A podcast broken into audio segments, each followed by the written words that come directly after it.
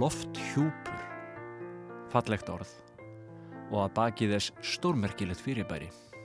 Hann umvefur okkur, þjættastur næst í jörðu og gísnar eftir því sem ofar dregur. Eftir aðeins 5-6 km ferð upp á við, þá höfum við um það byl helming alls efnis í lofthjúpnum fyrir neðan okkur. Það eru margir fjallatindar sem rýsa hærin það. Hann er næfur þunnur. Og þar sem nær allt efnið í lofthjúpnum likur neðst, gerist eiginlega allt í lægi sem nær aðeins nokkara kílometra upp fyrir yfirborðið. Veður, varmaflutningur og gróðurúsárif. Það er það sem við ætlum meðal annars að fjalla um í þremur þáttum. Nú er að hefjast lofslags ráðstefna í París, ráðstefna sem bundnar eru miklar vonir við. Ráðstefna þar sem þess er vænst að ráðamenn heimsins stýji einhver skref sem skipta máli. Þeir vita af ógninni sem lofslagsbreytingar eru, búin að vita það lengi. Þeir vita hvernig er hægt að sportna við þeim, en mörgum hefur þótt að hinga til hafi skrefin verið of varfærin. Brekar markast af tölum úr efnahagslífinu en vísindum. Næstu þrjá laugadaga lítum við yfir lofslagsmálinn, reynum að týna okkur ekki í allt of mikill í tölfræði, því að eins og hún getur nú verið hjálpleg, þá getur hún stundum verið rugglandi og stundum dregur hún aðtegluna frá því sem máli skiptir í raun og veru. Við vitum heilmikið í dag um lofthjúpin og jörðina, en svo þekking hefur verið lengi að sapnast upp. Við ætlum að forvitnast um vísindin söguna um vísindin að baki þeirri þekkingu sem við búum yfir í dag um hlínun jarðar. Og þá má sjá að frá upphafi og fram á okkar daga hafa evasendarattir ræktað akkur sinn vel. Við heyrum líka enduróm af fyrstu ráðstöfnum manna um loslasbreytingar. Það hefur komið æg betur í ljós að það að draga úr loslasbreytingum er bæði hagrænt og stjórnmálulegt viðfangsefni og þess vegna hefur umræðan verið pólitískari en um mörg önnurvísindi og vísindarlega niðurstöður gerðar tortryggilegar á óvísindarlegum forsendum. Eins og segir í formála bókar Haldós Björnssonar Gróðurhúsa áhrif og loslasbreytingar sem verður leiðasteinn okkar í dag. Við stiklum líka á nokkrum ártörum sem skipta máli. Í umræðu um loslagsmál er innbyltingin gerðnar viðmiðunin. Árið 1712 gerðist það að breytin Thomas Newcomen finnur upp fyrstu gufuvélina sem nær almennri útbreyslu og er einn af stiklusteinum í áttað yðnbyltingunni og þróun kólaðinaðar. En það er Haldur Björnsson sem ætlar að svara spurningum okkar um hvernig lofslagsvísindin þróuðust, hvaða spurningar og uppgötvanir leitt okkur áfram. Allt byrjar þetta á sólinni og þeim íl sem hún veitir okkur. það er ekkert óalgengt að merkar upp hvort hann er komið frá mjög einföldum spurningum og einfalda spurningin hérna er hversna svona kallt upp á fjalli? Það var á átjönduöld franskur aðalsmaður sem hétt Óraðs Benediktus Saussure sem er mikið uppáhald á hann hjá viðurfræðingum því hann er fyrst í fjallaviðurfræðingurinn við viljum telja. Og hérna hann fór og reyndi að mæla hvort að sólinn væri virkilega sko ekki jafn sterk upp á fjallatindum á fyrir neðan því það var eina skýringi sem hún dætt í hugaði hversna væri svona kallt upp á fjallum og niðurstaðan var svo að ef eitthvað þá er sólinn sterkari upp á fjallatindum en niðri það sem er samt miklu hlýra og hann gæti raun og verið ekkert útskýrt þetta En útskýringin kom nokkrum árum síðar.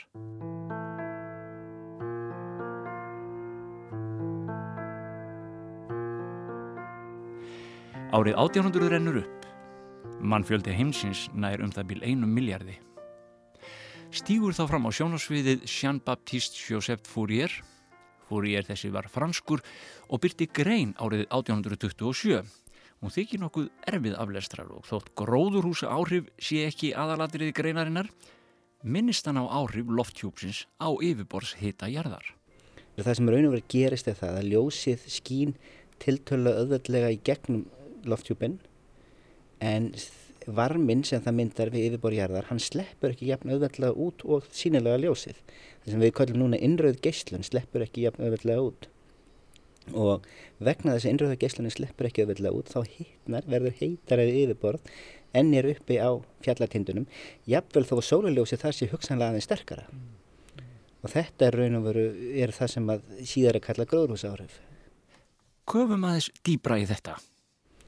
Já, sko, það er eina af þessum góðu reglum í, í, í varmafræði geyslun er að allir hlutir sem eru heitari en 0 kelvin sem er afskaplega kallt, það er mínus 273 gráður.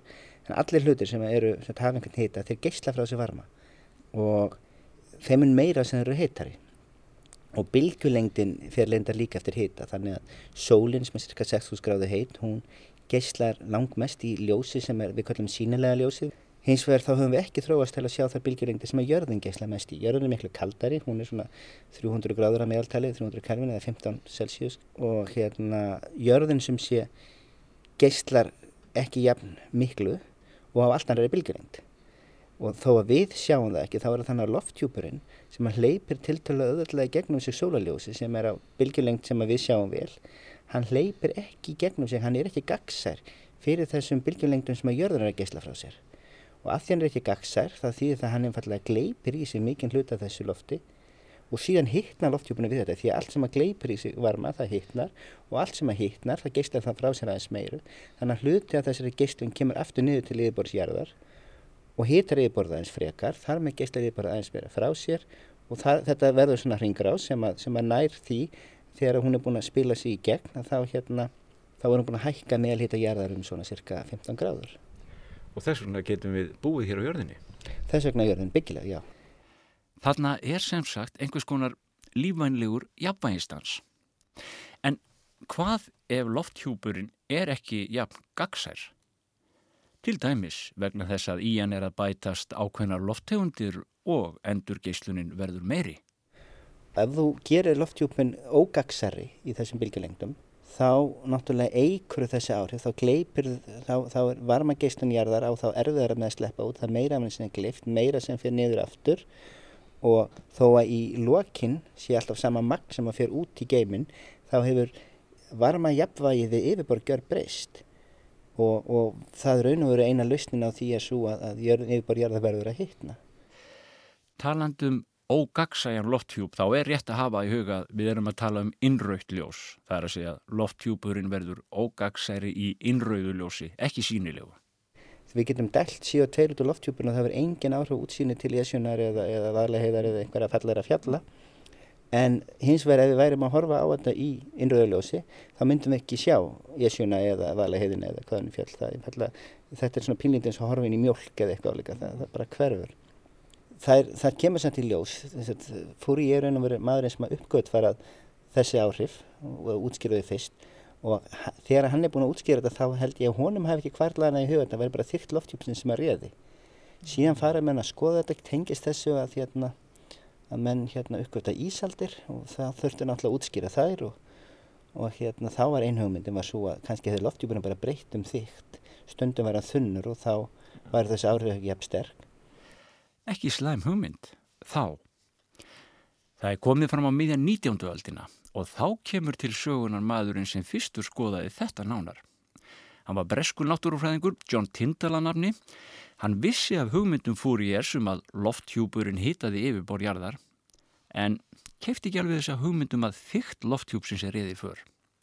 Á hvaða kanna, hvort og þá hvaða lofttegundir hefur þessi áhrif? Hann hérna byrjar á því raun og verið bara að prófa að gera mælingar af þessu. Og það kemst að því að raun og verið er að gera með örfáar örfáa lofttegundir sem að skipta máli. Og hérna og það er helsta sem hann finnur er CO2 og vaskuva hins vegar. Og hann skrifar það í þessari grein sinni að það þarf ekki að breyta um þygt loftjúpsins það nægir að breyta pínlítið samsetningunni. Og það er hérna raun og veru rauksenda fæsla sem heldur að þó nokkuð miklu leiti mm, mm. Þarna eru menn enn bara að tala um magn koldíósís og vaskufu í lofthjúpnum. Kanski rétt að skjóta því hér að að styrkur koldíóksís er mældur í miljónustu hlutum. Þið kannist kannski við skamstöfununa ppm sem er parts per miljón. Núna í oktober síðastlinum var styrkur koldíóksís samkvæmt mælingum um 398 ppm en var samkvæmt borgkjörnum úr ís um 286 þegar Tindal byrti mælinga sínar. Ekki það að hann vissi það, ekki frekar en hvaða fleiri lofttegundir er um að ræða. Nei, það tekur náttúrulega ákveðin tíma sko, mælingar greini getan til að geta mælt nákvæmlega hvað er að gerast og hvaða bylgjulengd var ekki til staðar. Menn voru mjög lengi að vandraðast með hvort væri áhrifað meira vaskufa eða, eða koldíóksíð og svo átt að segja á því að það raun og veri skiptir ekki öllu máli í lokinn af því að vaskufan hún er ekki lofttegund að sama hátt, það er að segja hún hún bregst við hýta loftjúpsins og hún, hún magnar hluti en ef þú kælir loftjúpin þá, þá dregur magnum maskuðum því að það, það verður ekki mikið af henni í loftjúpnum þegar hann er kaldur. Þessi áhrif þvældust fyrir mann alveg lengi reyndar en síðan er það svona þegar að menn fara að ná, það er ekki fyrir en sko líður nokkuð á 20. öldina sem eru farnar að geta raun og búið til listan yfir hvaða lofttegundur eru virkilega gróðrúsaloftegundur.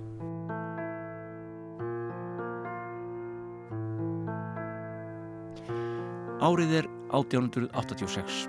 Karl Benz kynir fyrirbærið Motorwagen sem margir líta á sem hérna fyrstu sönnu bifrið. Og tíu árum síðar byrtist okkur næsti stiklusteinn. Tindal gæti ekki rekna út hitabreitingar frá gefnum forsendum um breytingar á magni gróðurúsa loftegunda. Það var ekki til eðlisverðileg þekking til þess á þeim tíma. En nú kynum við til sögunar Svíjan Svante Arenius merkilegu vísindamæður, hlaut síðar Nóbesvölun. Hann hafði reyndar helst verið að reyna að útskýra ísaldir en það fylgdi með í ísaldakenningans, nánast sem aukaðatriði, að ef magn koldíóksís ykist þá myndi hlína á jörðinni.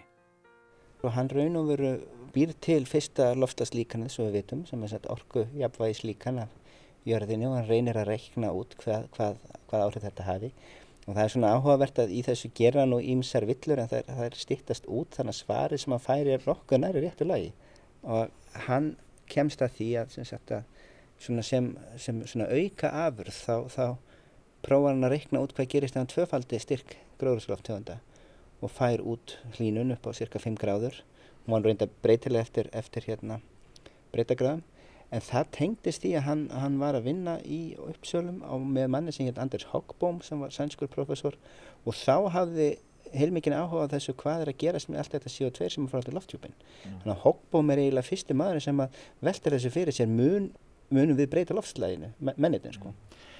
Þetta er rétt undir aldamóti 1900. Arrhenius byrtir nokkra greinar sem vöktu mikla aðtikli í upphafi svo líður nú smá tíma og það er svona fjallegilegt og fjallaldum mikið úr tísku út af meðal annars þessum vangaveltum um áhrif vass og, og CO2 og hvernig þetta blandaði saman og líka það að ymsi vildi meina sjóri myndur nú gleipa allt sem að fær út þetta var allt einn tóm miskinningur og það er síðan ekki fyrir en eftir miðja öldina sem eru endanlega búinir að losa sig við allavega svara helstu mótbárum nægilega vel til þess að þeir eru samfærum að það þurfum nú aðtötu betur og þá fara mann og reyna að mæla er CO2 aukast en sko bara fram á þenn tíma var tæknin til að mæla það svo lítil, svo mm. veikburða að það var ekki raun og verið svona eftir miðja ölduna sem að menn gáttu gert þetta almenlega. Mm. Já, sjórin gleipir allt, komum betur að því síðar. En kenning Ariníusar mætti sem sagt þungum mótbárum sem virtust drekja hugmyndinni algjörlega. Það tók marga áratugji að hrekja þær.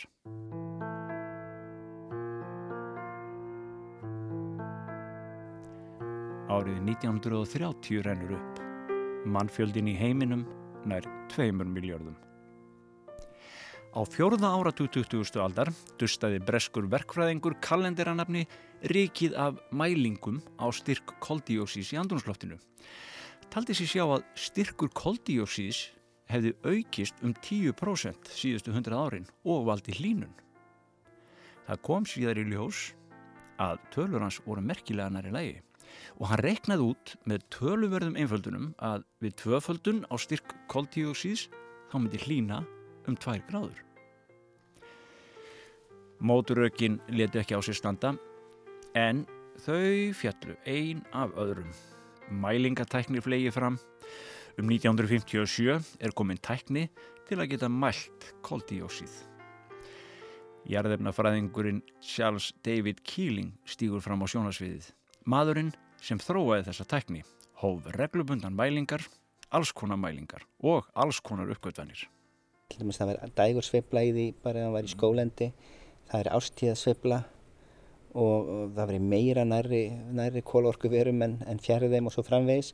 Hann upp, gerði meikið svona uppgötunum kringum þetta og síðan var ákveðið að þeir myndu mæla á tveimur stöðum í heiminum að Suður Sköldslandinu annars vegar og Mána Lóa mm -hmm. í Hawaii eigaklasanum og það var valið sérstaklega því það er mjög langt frá öllum yðnaðar uppsprettum þessar mælingar og mælingar á Suðurskjöldlandinu og mælingar frá Mána Lóa raun og veru síndu sömu niðurstöðu ástæðasöflan var miklu meira í Mána Lóa minni á Suðurskjöldlandinu en það sína sama stígandan mm.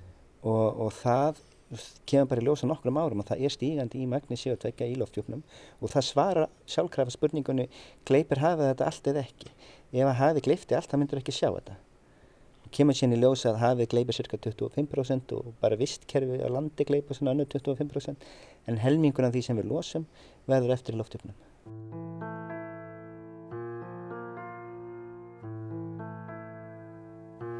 Árið er 1960. Mannfjöldi heimsins er komin í þrjá miljardar. Þekkingin ekst, en er þá kenningin fullmótuð? þetta er ekkert voðalega hérna, flókin fræði, má segja kenningin að megninu til er komin til til að snemma og, og svona upp úr eh, síðari heimsturjöld þá erum við svona búin að berja úr henni svona helstu, helstu brestum og segja svona það sé kannski eh, á, á, á sjönda áratöknum sem svona endanlega gengi frá henni og, og, og svona öll smáatriði list og maður sem heit Manabe sem að japansku vístamæður bjó í bandreikunum Maneibi og Weatherald byrta grein sem er svona fyrsta greinin það sem er raun og veru búið að svo fræði sem þar er eru er fræði við erum með núna sko. mm. en maður getur hins vegar rakið uh, forsögu þeirra nokkuð langt aftur mm. Og eru, hún, í, hún er til í ímsu formi alveg alla 20. öldina sko. Já, það er árið 1967 sem Manabe og Weatherald byrta grein sína og staðfesta það sem Kallandir hafi reiknað út með einn földunum að tvöföldun á styrk koldíóksíðs hækki meðalhita jarðar um tvær gráður. En þótt kenningin um gróðrúsa áhrif hafi verið komin í nútíma mynd var langt frá því að hún væri almennt viðukent. Það tók tvo áratugi viðbót. Eva senda agurinn var stöðugt plæður. En hverjir eru eiginlega þessa gróðrúsa loftegundir? Sökudúlgarnir reyndust nefnilega fleiri en koldíóksíð og vaskuva Fyrir utan þær má nefna N2O, hláturgasköllum við það stundum sem á uppuruna í landbúnaði og svo metan og brennisteins hexaflúorið og svo efnarflokk sem kallaður er halogenkólefni. En þessa tegundir eru auk þess mislanglífar í lofthjófnum. En hvernig dreifast þær um andrumsloftið? Sko lofthjófurinn á tíma hvarða á nokkrum árum þá er loftjúpurinn vel blandaður. Það er svona ákveðin orðaleikur í þessu að eitt mól sem að menn læra kannski oft um í efnafræði, eitt mól er 6, 10, 23 mólikúl sko. Eitt andadráttur er svona, hann er svona brota þessu, eitthvað brot, en, en svona starðagraðan er svona 10, 20 og öðru kannski mól, mólikúl segja í einum andadrætti og þetta er svona um það byl hérna ef við tökum rúmmál loftjúpsins og deilum í það með fjölda andadrætt og þá fær maður sömu starðagráðu og þannig að ef þú andar frá þér einhverju sem er ekki tekið upp í sko vistkerfi eða, eða sjó og gefur þér nógan tíma þá mun það blandast um allan loftjúpin þannig að ef þú andar frá þér einhverju sem bara hérna, eða lofttegund þá eftir ákveðin tíma þá eru öll mólíkulun úr þessum andadrætti komin orðin jafn dreifðun loftjúpin sem þýðir það í sérkvæmum andadrætti í loftjúpinum eftir það er eitt mólíkulun minnskustu úr þínum andadrætti sko. og þetta er svona sannum þess að við erum öll miklu nær hvort öðru en við kannski viljum vera en, en það er sko sama ástæða fyrir því að loftjúpurinn þetta CO2 dreifist um loftjúpin CO2 er í loftjúpinu mjög lengi nokkur hundruð ár svona, og hérna það er feikin eða tími fyrir að jafnast út. Já. Og það gildir reyndar um aðra lofttíðandur eins og metan sem að metan reyndar hrörnar á svona 12 árum. En það eru einungis lofttíðandur sem eru mjög skamlífar eins og, eins og ósón og vaskufa eða eitthvað sem að, hérna, sem að koma og fara mjög hratt. Mm. Þa, það næri ekki að dreifast jæfn um, um loftjúpin en hins vegar sko er, ef maður skoðar ástíðaseflu þessara efna þá ertu komin í tíma hvar sem er stuttur í samanburðu við sko blönduna tímin er, er ekki nóga langur til þess að ástíðaseflan hún er veruleg og allt annað útslag í CO2 kurvunu á norðukvellijarðar en söðukvellijarðar einfallega af því að það er ekki tími til að blandast. Ef það blandast alltaf tveim vikum þá myndur ekki sjá það sko. N2O, CO2 eru þessi svona stóru langlífu CO4, CO4 sem er metan líka og svo er ýmislegt annað sem er til í miklu minna magni mm, mm. og dæmi til dæmis um gróðrúsaloftegundur sem voru til í mjög litlu magni en gátt í potensiált haft mikil áhrif voru þessi freonefni sem við deldum út og komið ljóð sem voru ósóniðandi en þetta voru líka mjög öfluga gróðrúsaloftegundur og þó að þær hefði aldrei náð jafn miklu magni og, og hérna aðrar mm. þá voru samt sem áður gróðrúsaláhrifin frá þeim nokkur sko þau eru bönnuð, eru þau horfin úr andrúrslöftinu? Tekur þau mjög langan tíma að hverfa, það, það, þau munu hverfa á næstu árhundruðum, mm. það er afra tugum til árhundruða sko. Já, já.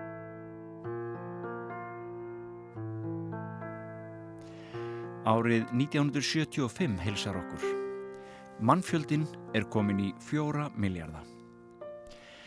Vísindunum þokaði fram, þekkingin eikst og við aðrar mælingar bætast nú við boranir í bæði Grænlandsjökul og Suðursköldslandið og niðurstöðunar síndu að styrkur koldíóksís og hita svepluðust í takt.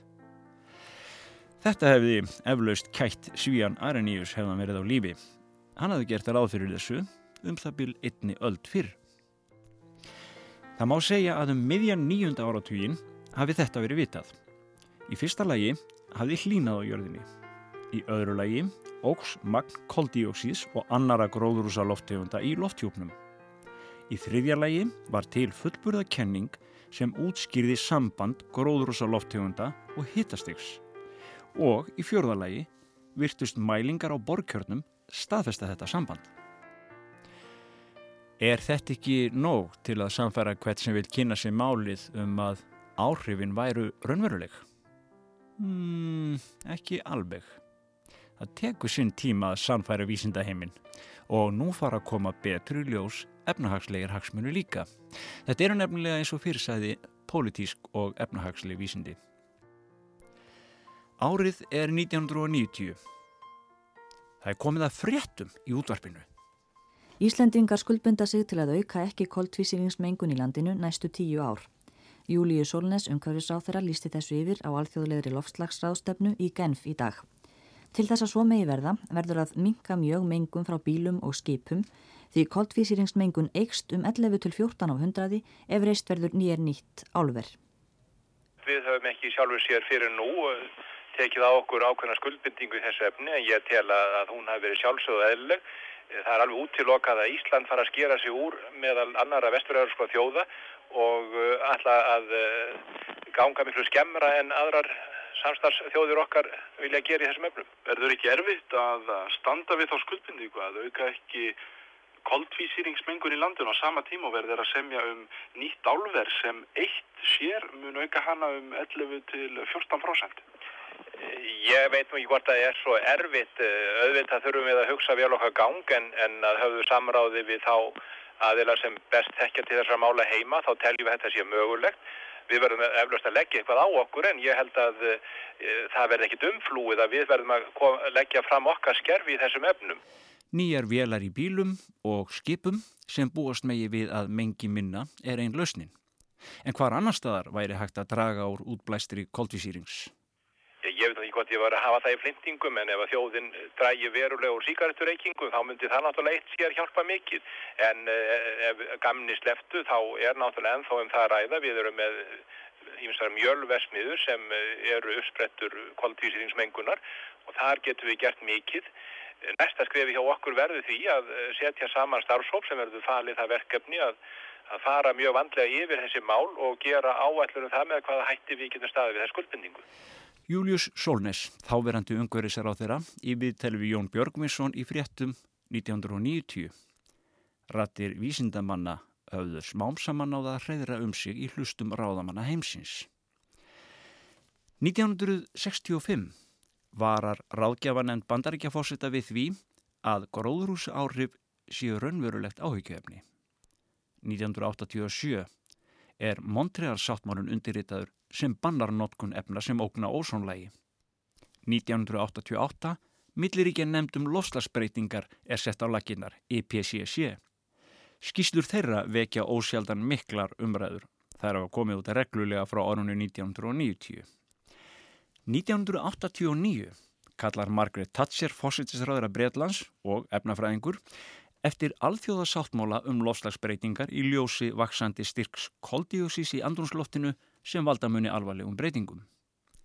1992 stóðu saminuðu þjóðuna fyrir leðtóafundi í Rio de Janeiro undir heitinu Ráðstefna um umhverfi og þróun. Þetta telst tímamóta viðburður bæði vegna stærðar og umfangs en ekki síst vegna þeirra alþjóða samninga sem þar voru undirritaðir, þar á meðal rammasamningur um lofslagsbreytingar. Árni Finnsson, formaði Náttúruvendasamtaka Íslands, segir að það hefði rétt náðst að berja þann samning saman. Já, sko í aðdraganda Ríó rástefnunar 1992 þá er unnið að gera samnings um aðgerði gegn lofslagsbreytingum. Það er rétt náðist fyrir Ríó rástefnuna að, að samtekja hana samning og það sem kannski gerði það verkum að rækta samtíkjana var bandaríkinn settu sér að móti hverskins lagalega bindandi skuldbindingum. Það er einn skuldbinding í samningnum sem að gekk út á það að árið 2000 skildi ekki vera meiri losun en var 1990. En þetta var ekki lagalega skuldbindandi. Þetta var bara viljefylýsing. Og það er það sem er oft erfitt með alþjóðlegar eh, samtíktir og það eru fallegar hljóma vel en hafa engin bindandi áhrif. Í aðdragandanum þurfti að halda samningafundi víða um heim til að reyna að ná samkómulagi um fjölmörg atriði. Kveikjum útvarpinu. Það er april 1992. Ekki hefur tekist að samræma sjónarmið þróunaríkja og auðugra innríkja um hvernig berið að fjármagna framkvæmda áallin Ríó samþyktar um umhverfismál sem vantanlega verður staðfest í sumar. Síðasta undirbúningsfundi fyrir ráðstöfnuna er lokið án samkómulags um þetta þýðingar mikla mál. Gunnar Gess Gram satt fundin fyrir Íslands hönd. Það kom á síðustu stundu fram sáttartillega sem var byggð á sjónum með Norðurland en náðist ekki samkvæmlega um í New York eh, fyrir helgina og eh, það verður kannski stærsta máli sem er óutgljáð. Það er hvernig á að fjármagna fyrst og fremst framkvæmda áallumna þessa miklu agenda 21 sem endur. En uh, það auðvitað mál er, er nátengt öðrum málum sem eru enþá útkljáð einnig. Það er fyrst og fremst samkónlag um regnskóan eða skóajarðar og í öðru lagi að þá eh, er eh, samkónlag um andrumsloftið aðgerðir til vendar ósónlæginu, vinna gegn gróðrúsáhrifum og öðru slíku, að það tengist þessu fjármögnunar máli og þau máli er enn óutkljáð. Svo eru ímis önnur mál óutkljáðs en sem má segja er miklu nær samkónlagi Eh, Ríó yfirlýsingin eða sáttmáli jarðar er ennþá svona vinnuskjál eh, og á eftir að fá formulega samþygt. Þannig að, að það verður mikil efnisleg vinna sem framfyrir á Ríó ráðstöfnu sjálfri eh, í kjöllurum og annar staðar á smáfundum til þess að binda sama þessar lausu enda þótt að ráðstöfnar sjálfs er fyrst og fremst ríkistjórnar ráðstöfna þar sem að þjóðhauðingjar og ráðherrar mæta. Ísland sendi sína fulltrúa til Ríó, reyndar í kjölfar dilna um nöðsynferðarinnar og fjölda þáttakanda. Vigdís Fimboðadóttir, fórseti í Íslands, var í Ríó. Kveikjum aftur út á sfrettum. Það er komin júni. Mr. President, Excellencies, Ladies and Gentlemen. Let me first of all express my thanks and appreciation to you, Mr. President, and the people and the government of Brazil for hosting the United Nations Conference on Environment and Development, the largest summit conference ever. Vigdís Fimboadóttir Fósetti Íslands segir að ráðstefnan í Ríó sé merkilegasti viðburður í umhverfismálum frá upphafi og segist bjart sín eftir hana. Fósettin segir að förin til Ríó hafi hins vegar ekki verið skemmtiferð fyrir nokkurt mann og gaggrínir umræður um ferðir á ráðstöfnuna hér heima í vetur. Mér uh, fundast þessar umræður ákallega dapfulegar þegar ég fylgist með þeim og uh, ekki djúb hugsaðar. Uh, það er eins og okkur Íslandingum kemur þetta ekkert við þegar það var verið að ræða þetta. En ég held að við verðum nú að vera raunsæ og gera okkur grein fyrir því að við verðum að taka þátt í umræðum þjóðana um hvað verður um jörðina sjálfa. Og uh, þessi, þessi stefna hér í Rio de, Rio de Janeiro, hún er það merkilegasta sem að, að uh, fram hefur komið, eða framgengur í umhverjusmálum alveg frá byrjun og það er engin vaf á því að hún á eftir að marka mjög merkileg spór í sögu þjóðana. Vigdís Fimboðadóttir fórseti í Íslands í við televíjón Guðuna Kristjánsson fréttamann sem fyldist með ríurástefnunni. Þess má geta að blaðið Jörðin Livi sem var gefið út í Ríó meðan á rástefnunni stóð útnemdi Fidel Castro og Vigdísi Fimboðadóttur sem par rástefnunar. Byrtaði myndir og vitnaði ræður þeirra og Castro kom sérstaklega að málið við Vigdísi til að tjá henni sérstakka aðdáðun á ræðunar á rástefnunni. En Jón Guðni rætti líka við Eið Guðnason þáverandi umhverjastara þeirra. Hér hefur mjög margt gerst og í framhaldi af þessari rástefnu mun vonandi enn fleira gerast. Ég held að það sé alveg ótvírætt. Er eitthvað sérstakt uh, sem þeir eru ofalega í huga varðandi þau mál sem að Íslandingar hafa borðið sérstaklega fyrir brjósti? Ég held að þau mál sem að við sérstaklega höfum uh, lagt áherslu á eins og varðandi fiskveðar á úthafinu, andrumsloftið, uh, orkuna, að ég held að þeim hafi reitt tiltölulega vel af. Uh, Minnstakosti lítur það þannig út núna, þetta er ekki allt, uh, það hefur ekki verið náð landi endanlega um öll atriðin. Ég held að þeim hafi reitt betur af en kannski var mátti vænta á, á sínum tíma og þar hafa okkar menn staðið sér mjög vel á þessum samlingafundum sem eru ekki einfaldir eða auðveld vinna. Samþygt rammarsamningsins fól ekki í sér neinar lagalega skuldbindningar til að draga á losum gróðurúsa loftegunda. Samkvæmt ákvæðum samningsins þá skuldbundu innmæti ríki sig sem held til að grípa til aðgerða sem átt að miða því að reyna að auka ekki útblástur gróðurúsa loftegunda þannig að hann yrði ekki meiri árið 2000 en árið 1990. En þessi skuldbinding fól ekki í sér neginn ákveðin losunamörk fyrir einstök ríki. Málaðmiðlanir engina gætnan alþjóðasamlinga og það móti líka sjá í Ríó.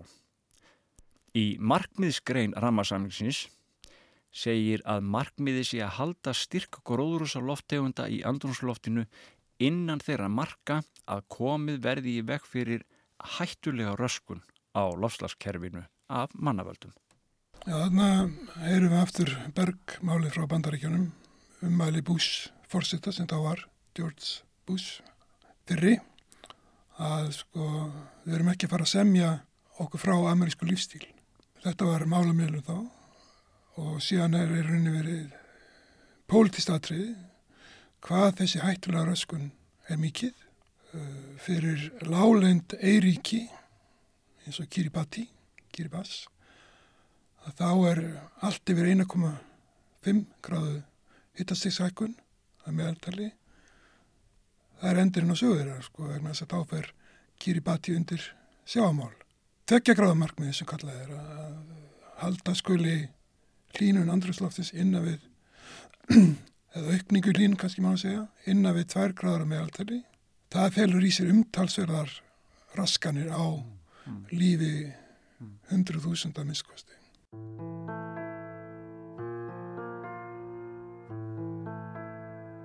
Tvær gráður. Þetta er talan sem við heyrum svo oft nefnda í lofslagsumræðu. Viðmiðunar talan. En hvernig var þessi tala fundin út? Hver fann upp tvær gráðurnar? Hvað koma það er, já? Já, það er raun og verið alltaf merkið því að tværgráðarnar eru ekki aðlisfræðilega, aðlisfræðilega niðurstæði sko. Það var hakkfræðingur sem var í að vinna hér held í, í stofnunni í Östuríki sem að fekk áhuga þessu vandamálum hlínun jarðar og hann heitir Nordhaus og núna professor í Yale og hérna hann, þetta er 1970 og eitthvað 75-6 sko. Og hann fer eitthvað að velta fyrir sig hvað hva má hlýna mikið. Og eina sem hann hafði var sko, mat á meðalhita jarðar svona síðustu sko gegn, gegn síðustu ísaldar sveiflur og hann svona með að fletta upp og tala við fólk að það er nú sennilega ekki verið mikið hlýra en svona 23 gráður svona, þó nokkuð langt aftur sko. Mm. Svo, og hann vissi að það hefði sennilega ekki verið svo mikla sveplur á sko, tíma siðmenningar. Þannig að hann sagði einfallega að þetta geti orðið erfitt fyrir okkur siðmenningu ef að hlýna meira en 23 gráður. Þannig að þetta var mjög einföld sko rauksendafærsla hjá honum og að engan veginn hérna svona pott þétt á neitt nátt og alls ekki byggð á sko hérna, vísindi byggð á hérna mælingum eða eitthvað slíkt sko. Þannig. En þetta var bara svona, já, menn segja mér þetta og þar með ger ég ráð fyrir þessu sko og hérna svo hafa mann hægt og hafa mann ímsir aðri reyndi að skoða þetta. Þannig að mann komast alltaf að þessar niðurstöða tjónið það fyrir vaksandi hægt og rálega með hlínun og reyndar skarpara eftir því sem hlínan meira. Og hérna en kostnæðurinn við að verjast þessu náttúrulega er, er líka mjög mikill og það tekur því kannski ekki að verjast hlínun upp á halva gráðu. Það er hins vegar mjög augljóst að það tekur því að verjast hlínun upp á 5 gráður og hvar liggja mörkin og þá erum við mjög ofta að tala sig niður á þess að tölu tvær gráður sko. mm. með því að vísa í álag á vistkerfi og skemmtir á þeim mm. og, og svo ímest önnur kerfi en, en sko það er vel hugsanlegt að þá að hlýni meira en tvær gráður og þá munu svona rektarland og ímestlegt ráða við það, það er að segja það verður mjög slemt á sumum stöðum en það batnar á öðrum stöðum og í heildina gæti sko í öllum þessum kerfum sem eru svona stjórnuð á einhvern nátt af manni sko, við gætum hugsanlega aðlagast þessu fram yfir tværgráður og, og, og, og Nordháls sjálfur hefur skoðað þetta mjög mikið og telur að það sko sé nær þrjama gráðum. En strax við það þau mörg er hins fyrir tjónuð og svo mörgum öðrum kerfum sem við höfum eitthvað stjórn á orðið svo mikið. Og það eru kerfi eins og bara já, jöklar, stóru jökulkvelin uh, hafringaráð og fellibílir og alls konar aðri hluti sem eru farnir, er, eru komnir alveg kannski orðnir, þetta eru kerfið sem eru náttúrulega stjórnleis fyrir og hérna en, en munu þá bregðast við hlýri heimi af svo miklu offorsi að, hérna, að það dettur raun og verið engum í hug að fara yfir tværgráður einfallega því að tjónið eru svo mikið sko. Það voru oft verið bent á það að allar freðmýrarnar eh, sem geima ótrúleitt magna metani Já þá eru þær farnar við fjóra gráðu, þá eru þær farnar já, að sleppa. Já, það er dæmi, þetta er sko, þetta er eh, eitt af því sem ég hérna, kann vel við umfjöllun þessa Nordhaus um, um þetta efni, hann skiptir einmitt hlutum niður í hlutuna sem við getum ráðið við sko, sem eru svona rektarland og slíkt sko, við höfum einhverja stjórnað því, en við, það er svo margt sem við höfum ekki stjórnað og þetta með metannið í, í freðmýrum og á landgrunnsbrúnum og slíkt, þetta er vandamál sem sem við höfum ekkert mikla stjórn á. Og hættan er svo að ef það verður mikil metanlóðsfunn þá munir samdráttur okkar á við drögum úr, úr bruna þá þurfum við annarkvæmt að draga fram gríðarlega skart því að þetta myndir þá bætast við strax.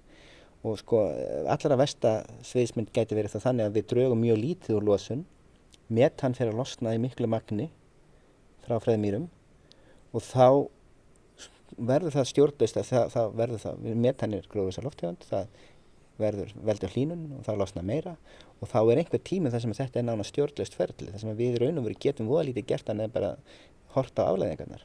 Það er eitthvað sem við vilja náttúrulega forðast og hérna þá er það er þess vegna sem skiptir máli að, að reyna að byrja sem fyrst að draga lósun til þess að koma í vekk fyrir að, að hlínunin fari yfir þessi mörg. Mm. En þetta er, þessar tverrgráður eru það verður að vikast, þær eru pólitíst markmið og til dæmis fulltrúar eithjóða, lálendra eithjóða, eins og hérna Kiribati og, og slíkrast að þeir segja, við ráðum ekkert við tværgráður hérna, mm. við fyrir á kaf, við, við viljum ekki fara yfir einu hálfa. Og hérna, og það er í sjálf þessar afgætt rauk og maður getur sagt að sko heimsbyðin með því að fókusur á tværgráður þá er hún að segja við ákvæmlega þjóður, ákvæmlega ríki því sökvið og það er auðvitað að við getum rétt ímynda okkur hvernig við myndum bregðast við eða einhverjir segðu það við okkur sko.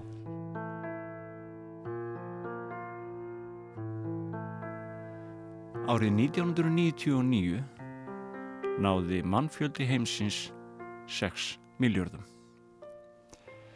Góður lustendur, hér látum við staðarnum við í dag. Við höldum áfram næsta lögadag og lítum þá meðan annars til Íslands. Takk fyrir samfélgin í dag. Verðið sæl.